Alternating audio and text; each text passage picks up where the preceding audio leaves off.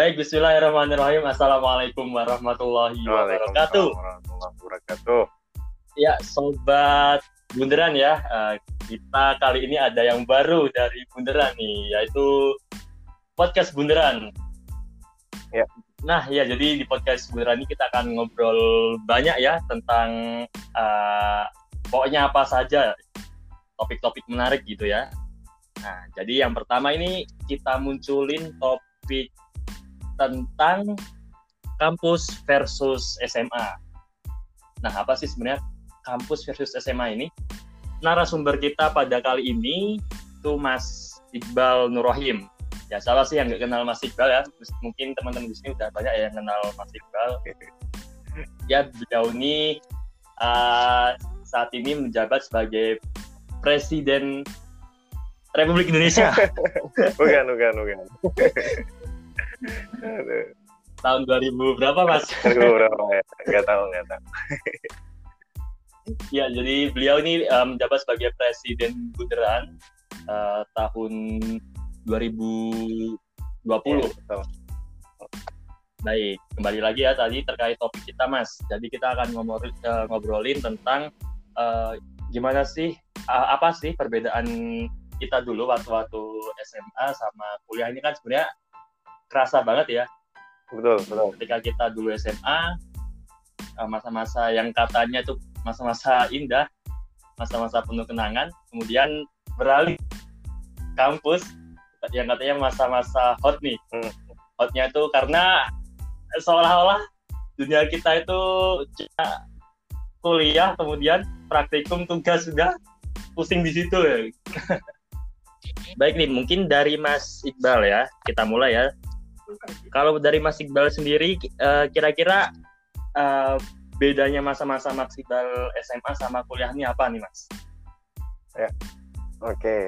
Uh, sebelumnya terima kasih ya sebelumnya dan teman-teman yang udah mau dengerin kita uh, saya coba jawab satu persatu ya tapi ini saya jawab bukan karena saya ahli tapi mungkin kebetulan emang udah duluan ngerasain gitu ya Lung ya nah jadi yang pertama kalau buat perbedaan antara masa-masa kampus ya kampus sama di SMA mungkin uh, ada beberapa poin gitu yang perlu dan bisa kita uh, highlight gitu bersama-sama.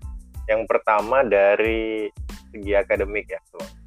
Nah, jadi kalau memang di SMA tuh uh, kita kan akademiknya udah diatur ya sedemikian rupa. Kayak kelas 10 nanti kamu ngambil uh, mata kuliah apa, terus eh mata kuliah mata pelajaran apa, kelas 11 demikian kelas 12 sampai nanti uh, ada ujian akhir sekolah mungkin terus uh, ya terus baru selesai terus lulus uh, dari SMA gitu. Dari segi akademik.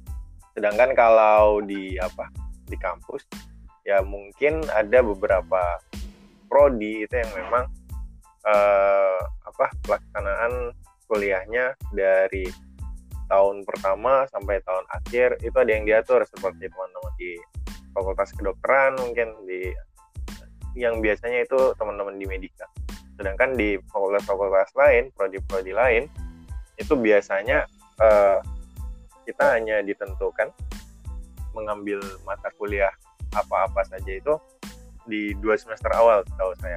Jadi nanti setelah itu ya teman-teman itu diserahkan kembali ke kita gitu. Nanti pengen ngambil kuliahnya berapa banyak bobotnya terus pengen ngambil mata kuliah pilihan apa saja itu dikembalikan ke kita lagi gitu. Nah itu. Terus secara akademik. Nah hmm. terus yang kedua uh, secara ini ya secara lingkungan lah ya kalau saya boleh bilang. Ya, mungkin kita buat dua besar nih aja akademik dan lingkungan secara lingkungan tuh mungkin kalau di SMA ya pergaulannya saya rasa hmm, pasti uh, ada yang split, ada yang monoton ya. Maksudnya ada yang uh, ya hangout sama anak-anak gaul aja gitu kan. Itu kan sering ya. Terus ya pengennya temennya sama itu itu doang gitu. Sedangkan uh, ada juga yang ya itu sifatnya juga monoton kan. Ada juga yang kadang kita uh, ya berteman sama siapa aja gitu boleh. Tapi kayak bersahabat uh, nggak sama semua orang gitu. Tapi kalau di kampus kalau saya boleh melihat dan boleh mengatakan uh, proses berjejaring mendapatkan pertemanan itu lebih karena ada kepentingan-kepentingan gitu kalau saya boleh bilang ya. Uh, contoh uh, kalau pengen uh, apa minjem catatan. Nah itu biasanya pas zaman zamannya baik gitu ya atau pengen Aduh. uh, ya bahkan ke hal-hal yang mungkin uh, cukup sensitif kayak uh, minta bantuan biar dimenangin pemilihan ketua himpunan jurusan gitu misalnya dan lain sebagainya. Nah hal seperti itu hal-hal yang wajar bagi saya ketika semakin besar semakin dewasa karena ya uh, saya lupa ini kutipan atau apa yang bilang tidak ada yang abadi yang abadi hanyalah kepentingan gitu. Itu sih. Tapi ya semoga ya itu nggak menjadi saklek ya. Maksudnya kita bisa juga memprioritaskan hal-hal yang perlu diprioritaskan seperti ya kalau dari bundaran tuh yang angkatnya ukhuwah kebersamaan dan hal, hal seperti itu. Itu sih tolong mungkin buat pengantar kita di awal kali ini ya oke siap cukup menarik ya teman-teman semua dari perbedaannya yang mencolok tuh dari segi akademis dan juga segi lingkungan. Hmm. Ya benar uh, sepakat sih mas aku dari segi akademis kalau udah ada itu ya mas kayak uh, kurikulum di mana udah ada mata pelajarannya yang itu tuh udah dikemas oleh uh, akademik hmm. sekolah yang mana uh, kita harus mengikuti itu. Tapi kalau misalnya di kuliah ini kita keunikannya kita bisa nentuin ya. Kita uh, bisa milih kita mau belajar apa sih? Nah, mata kuliah apa yang mau kita ambil gitu ya mas. Dan yang menarik yang nggak ada di masa-masa SMA dulu itu nggak ada yang namanya war pemilihan mata kuliah mas. Itu kayaknya yang paling iya, seru sih mas KRS-an ya iya iya. Di mawar gitu ya. Ya memang dari segi lingkungannya juga mungkin itu ya teman-teman juga uh, mungkin sudah ngerasa ya uh, mulai semester 2, semester 3 yang waktu SMA itu seperti itu. Dan sekarang di kuliah itu seperti ini. Dari teman-teman pun juga lebih luas gitu ya mas. Baik. Hmm. nah kembali lagi ke masa-masa SMA dulu mas oh ya pertanyaannya tadi dulu waktu SMA ikut osis atau organisasi gitu nggak ya iya lo ya iya uh, ikut organisasi okay. apa aja jadi memang kebetulan waktu SMA tuh ada beberapa organisasi yang saya ikuti gitu. Uh, yang pertama tuh uh, OSIS ya, OSIS. OSIS lebih tepatnya di bidang ini, bidang bahasa asing gitu. Nah, jadi emang tahun pertama jadi anggota, terus ya biasalah terus tahun kedua kepala bidangnya. Terus uh, saya ikut kir juga karya ilmiah remaja itu kan ya, di bagian reporter gitu itu juga jadi apa kepala bidang reporternya terus sempat juga di ini di English Community terus juga di mana di Rohis juga sempat ya sempat aktif juga. Ya itu sih kayaknya uh, empat hal itu yang saya ikuti dulu di SMA sama ya ikut ekskul ekskul olahraga juga sedikit gitu. Ekskul apa dulu ya? Sepak bola. Masih bal? Itu sih paling kalau waktu SMA ikutnya itu. Tapi yang emang yang paling berkesan sih ya waktu osis lah kalian ya. banyak banyak momen juga sih dulu. Iya baik ternyata sejak SMA pun sudah cukup aktif ya tadi ikut organisasi kemudian ekstra pun juga ikut tadi sepak bola Nah itu di OSIS sampai tahun keberapa mas? Di kelas 2 juga masih OSIS apa cuma kelas 1 toh itu? Hmm, kebetulan memang kelas 10 itu kan anggota ya terus ya kelas 11 ya jadi kabitnya gitu jadi kepala bidang hmm. itu sih jadi sampai kelas 11 nah, kelas 12 sudah sibuk kan sibuk akhir tahun gitu sih ya. Eh, Mas Iqbal ini SMA mana sih tadi? Dari tadi kita ngobrolin SMA tapi nggak tahu SMA-nya Mas Iqbal. saya tuh di Riau SMA-nya nama SMA-nya tuh SMA Negeri Plus Provinsi Riau Oke, tuh mantap. uh, boarding gitu sih jadi Oh. Jadi siapa tahu gurunya Mas Iqbal dengerin podcast ini, Mas. Aduh. Oke. eh, Nah, tadi yang menarik eh, karena Mas Iqbal ini juga kebetulan aktif ya dulu pas SMA dan namanya OSIS tuh sebenarnya itu secara tidak langsung tuh kita juga sudah terjun ya di dunia perpolitikan, perpolitikan SMA pas pada waktu itu ya. Nah, kemudian ini nih yang mau jadi pertanyaan yang jadi pertanyaan buat Mas Iqbal eh, kalau perpolitikan SMA nih di OSIS sama kuliah tuh lebih kerasa yang mana ya Mas gregetnya itu? eh, kalau greget-gregetan ya pasti waktu kuliah ya kuliah tuh lebih greget karena eh, apalagi mungkin di UGM kita ya konteksnya sebelumnya jadi apa perang antar ideologi perang antar ide itu benar-benar terjadi gitu kalau di kampus. Sedangkan dulu mungkin waktu SMA karena saya nggak tahu apakah ini berpengaruh atau tidak ya tapi sedikit banyak mungkin berpengaruh kita tuh SMA-nya uh, full semua tuh cuma anak IPA gitu ya. Jadi emang nggak ada anak IPS sehingga mungkin apa yang kepikiran tuh cuma eksak eksak eksak doang gitu. Sehingga ketika misalnya musim-musim uh, pemilihan ketos gitu ya dulu ya.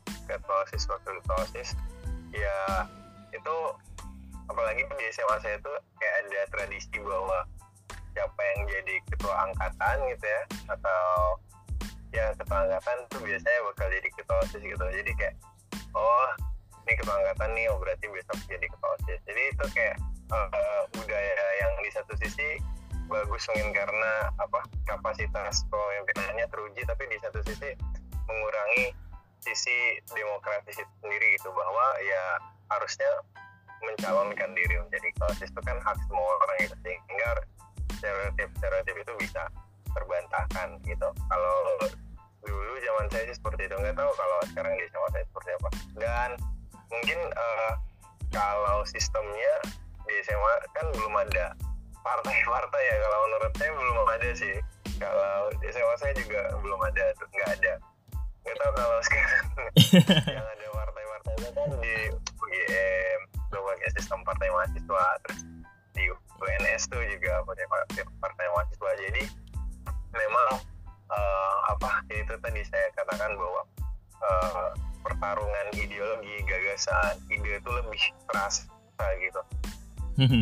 meskipun nggak bisa dipungkiri juga ada uh, ya itu sisi positif dan negatifnya kan dari hal-hal itu tadi Iya. sih Jadi kayak eh, politik di kampus ini lebih mencerminkan politik sesungguhnya di suatu negara gitu ya Mas. betul betul betul Mm-mm. Kalau dulu mungkin nggak ada partai tapi ada kubu Mas. nah iya bisa bisa ada kubu betul betul betul Iya. Nah. tuh saya tuh Jadi, memang dulu kalau zaman saya kebetulan kubunya itu antara ini anak yang ya Soleh soleh. yang nyalon bukan bukan. Kalau saya bukan yang soleh soleh kalau saya itu ya semuanya kategorinya soleh lah gitu ya. Jadi lebih ke kubu yang akademisi banget gitu yang kayak oh ini fokusnya bakal ngembangin sisi akademik gitu gitu kan. Sama yang anak eh, hits hits basket gitu gitu tolong jadi ya Oh. ya lumayan seru lah kan anak basket kan biasanya hits ya di SMA apalagi ada di BL gitu gitu kan Iya iya betul. itu lumayan lumayan seru sih dulu gitu sih Siap Gitu, siap siap. Mantep banget ya. Jadi eh, artinya nih di kampus nih di BEM gitu ya pertarungannya itu lebih kerasa di mana kapasitas kita dalam eh, berpolitik ini lebih terasa gitu ya mas. betul betul betul sekali Nah. Dulu eh, kalau pas tadi kan di SMA ya mas, uh, kemudian masuk di kampus nih. Nah ini kiprah Mas Iqbal sendiri dalam perpolitikan kampus nih dimulai dari apa nih mas? Oke, kalau saya sih mulainya dulu mikirnya masuk BEM dulu tahun pertama uh, di kampus masuk BEM ya sama lah mungkin dengan teman-teman sekalian yang memang orientasi ketika masuk suatu organisasi atau komunitas ya kita pengen gain something gitu kan kita pengen dapat sesuatu gitu dari kita. Mm -hmm. kita pengen belajar sesuatu kita pengen berjejaring kita pengen gitu gitu kan.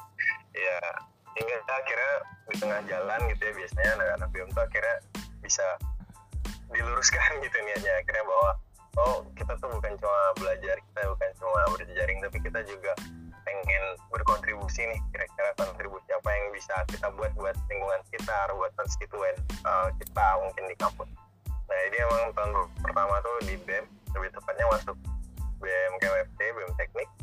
Tahun pertama jadi staff. Jadi saya tuh dulu, dulu daftarnya di Kastrat gitu, Kementerian Kajian Strategis karena memang orangnya suka saya suka diskusi saya suka uh, saya juga pengen belajar gimana sih uh, kita tuh membuat framework berpikir yang benar gitu. Terus gimana biar melihat sesuatu isu objektif objektif tapi masih berpihak sama yang lemah sama yang punya kepentingan uh, yang punya kepentingan tapi harusnya dibela gitu itu kan jarang gitu. Sehingga ya mencoba belajar dari hal-hal itu belajar untuk berpihak tapi tetap ob objektif karena gak susah ya.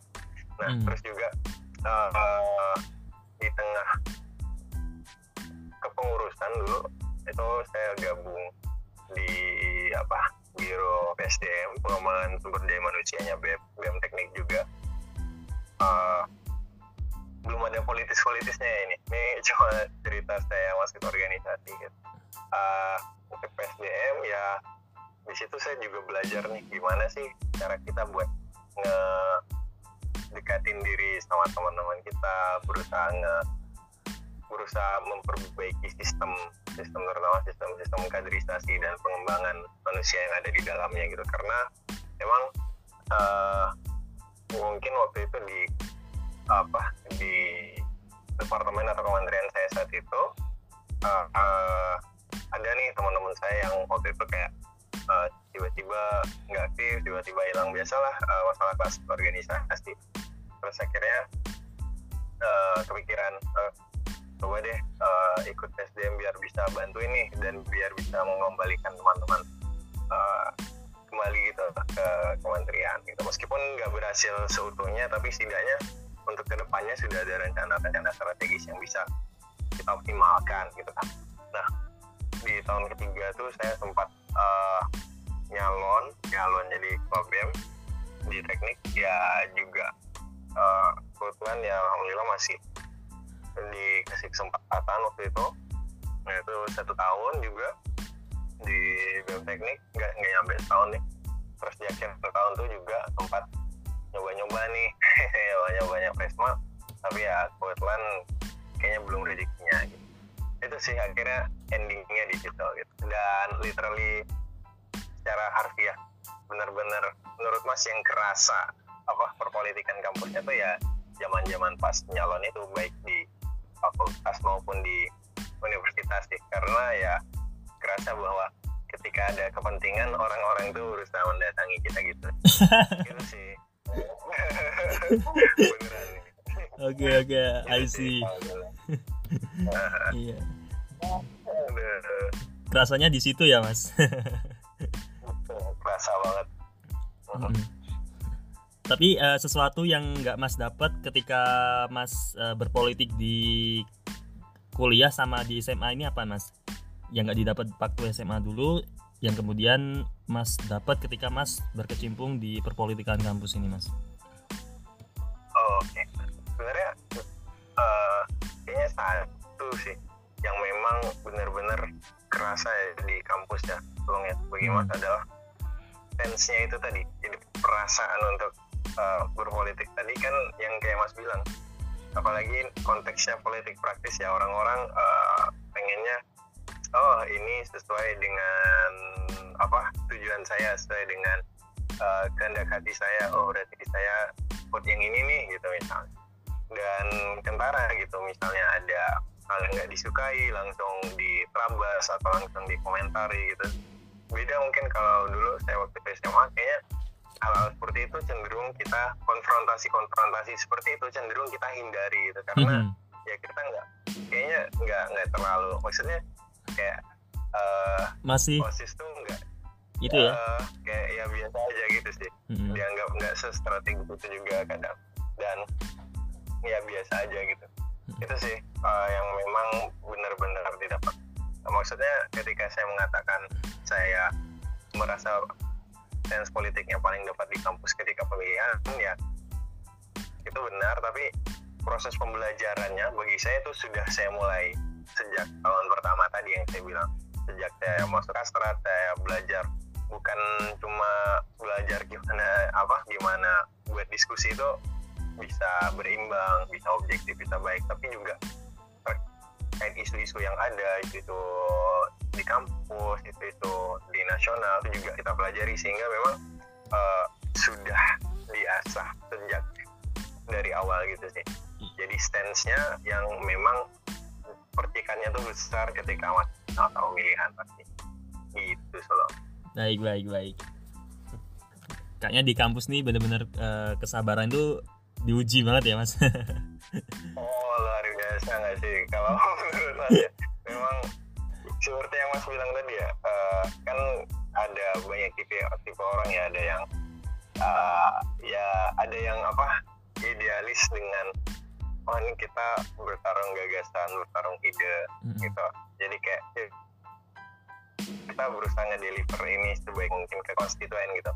Misalnya ada juga yang berpikir bahwa uh, oh ya udah yang penting kita menang aja dulu. Soal ide gagasan yang dibawa nanti aja gitu. Yang penting kita meyakinkan uh, apa pemilih untuk milih kita. Nah itu bisa banyak caranya. Bisa ngedeliver ide bisa juga ya apa ngejatuhin orang lain misalnya atau hal-hal lainnya gitu. Kan semua hal tuh seolah-olah halal gitu dalam dunia politik. Hmm. gitu siap siap siap. Kalau nah kalau mendengar kayaknya uh, ini semua kan sepertinya cukup mengerikan ya mas. Uh, apalagi sama orang-orang yang sejak awal menganggap bahwa perpolitikan itu kan kotor ya. Jadi nggak mau berkecimpung di situ. Ataupun udahlah kalau dengar kata politik tuh menghindar gitu mas. Nah kalau menurut mas Iqbal sendiri apakah uh, sikap kayak gitu tuh hal yang sesuai gitu ya mas? Hmm, oke oke bagus nih poinnya. Memang banyak sekali termasuk mungkin saya dulu ya pikir bahwa uh, ngapain sih ikut-ikutan politik? Apalagi saya anak teknik ya soalnya kayak ngapain sih ikut-ikutan politik? Bikin capek-capekin aja gitu. Padahal ya uh, apa contoh ya saya kontekskan ke nasional gitu misalnya atau daerah gitu. Saya milih pemimpin saya di daerah atau di nasional kayaknya nggak berpengaruh langsung nih sama hidup saya gitu. Apalagi cuma di BEM gitu kayak apa sih otoritas mereka yang bisa berpengaruh sedemikian besar ke saya? Kayaknya nggak ada gitu. Nah tapi setelah saya berproses tadi 2-3 tahun uh, ke belakang ya saya melihat bahwa uh, oh benar-benar ada nih perbedaan seandainya apalagi di kampus ya. Seandainya uh, orang ini yang memegang uh, kendali di BM saat itu sama orang ini gitu misalnya. Itu terjadi signifikansi apa? Signifikansi performa yang berbeda yang bisa dilakukan oleh BEM itu sendiri sampai ke internalnya yang mungkin nggak terlalu solid dan rapuh gitu. Sampai ke hal-hal yang uh, menurut saya riskan gitu terkait isu-isu di nasional maupun isu-isu di uh, kampus gitu. Sehingga memang kalau pesan saya Eh, nggak uh, masalah gitu. Misal sekarang uh, kita atau teman-teman sekalian punya anggapan yang buruk terhadap politik. Tapi uh, ingatlah bahwa setiap sendi dalam kehidupan kita nah itu bahkan dipengaruhi oleh unsur politik unsur politis itu sendiri gitu. contoh ketika kita uh, minta dibeliin HP gitu ya sama orang tua nah itu kan ada unsur negosiasi-negosiasinya juga ya. Kecuali yang mungkin uh, Crazy Rich Indonesia ya itu kayaknya udah nggak perlu. Tapi kalau yang uh, masih ngelobi-lobi orang tua itu ada unsur-unsur politis unsur-unsur negosiasinya juga gitu sama orang tua. Dan itu termasuk politik gitu teman-teman. Bahkan hal sederhana itu uh, include dalam politik gitu. Apalagi dengan konteks yang lebih luas konteks yang lebih besar seperti di kampus maupun di nasional gitu. Sehingga uh, framework berpikir saya saat itu akhirnya berubah dari yang awalnya mungkin antipati atau bahkan nggak peduli gitu ya sama politik itu sendiri. Akhirnya berpikir semisal tidak ada orang-orang yang berani untuk mengambil peran orang-orang yang dalam tanda kutip memiliki etikat baik, memiliki maksud baik uh, dalam mengambil jabatan itu, dia mengambil jabatan karena dia ingin memberikan peran yang jelas gitu ya pada konstituennya, kepada orang-orang di sekitarnya. Nah, bagi saya uh, harus ada gitu dari kita entah itu teman-teman, entah itu siapa pun itu yang punya etikat itu, kita selalu welcome sama itu. Dan dari kita pun Partai Bundaran yakin bahwa uh, itikat-itikat baik itu harus juga se sejalan nih harus juga beriringan dengan apa dengan kedekatan kita sama yang maha kuasa. Oleh karena itu uh, aspek ketuhanan bagi teman-teman bundaran itu menjadi penting gitu. Aspek ketuhanan yang diturunkan lewat akhlak akhlak kita uh, perilaku kita yang diturunkan lagi nanti lewat strategi-strategi kita di lapangan. Sehingga memang kita sangat mengusahakan tidak menggunakan money politik gitu kalau di kampus. Ya kalau kita bertarung gagasan ya bertarung gagasan ide gitu. Jangan. Dan hal-hal sampai hal-hal sederhana itu kita mengimplementasikannya karena ya begitulah yang suri dan kita ajarkan gitu begitulah yang mungkin dulu Rasulullah mengajarkan gitu. Ketika beliau diserang dicemooh oleh orang-orang Taif gitu misalnya ya beliau nggak melawan baik gitu. Beliau bersabar dan beliau berdoa sama Allah minta dikasih apa uh, kesabaran minta dikasih petunjuk gitu. Hal seperti itu sih yang mungkin perlu kita ingat kembali. Dan uh, ya di situ sih menariknya bagi saya ketika di kampus uh, banyak sekali pelajaran yang bisa kita dapatkan. Seandainya kita menceburkan diri ya. Jadi kayak istilahnya dulu tuh saya udah kecebur nih kecebur dalam kolam gitu ya teman yeah. Iya. jadi pilihannya tuh antara antara ya nikmati aja gitu buat berenang atau tenggelam sama sekali gitu kan. Nah akhirnya daripada saya tenggelam tenggelam tanpa kenikmatan gitu akhirnya saya milih untuk berenang gitu. Kenapa nggak ke tepian mas gitu? Kenapa nggak keluar aja? Karena yang saya bilang tadi uh, sudah ada framework bahwa apa kerangka berpikir bahwa uh, harus ada orang-orang yang memiliki itikat baik, maksud baik, tujuan baik, dengan proses yang baik pula, yang siap nih untuk mengambil peran-peran strategis gitu di ranah publik. Itu sih. Mantap dari banget, Jadi memang kelihatannya, kelihatannya apa? Kelihatannya politiku kotor dari luar, tapi kalau kita lihat-lihat lagi, nah kita lihat-lihat lagi, nggak semuanya kok seperti itu. Gitu. Iya siap. Artinya uh, sebenarnya politik kotor itu pandangan ya. Sebenarnya kalau dari politiknya sendiri nggak kotor, cuman itu ya mas. Uh, Orang yang menduduki politik itu kadang yang mungkin bisa bikin kotor. Betul. siap mas. Nah mungkin itu tadi ya mas. Uh, edukasi kita atau se apa ya sedikit obrolan kita tentang perpolitikan kampus dan SMA dan kenapa sih kita harus peduli gitu ya mas sama politik? Nah mudah-mudahan uh, ini uh, teman-teman semua bisa mengambil uh, beberapa hal dari obrolan kita. Mudah-mudahan banyak manfaatnya nih mas obrolannya. Amin pasti. Ya. semoga ya. Iya.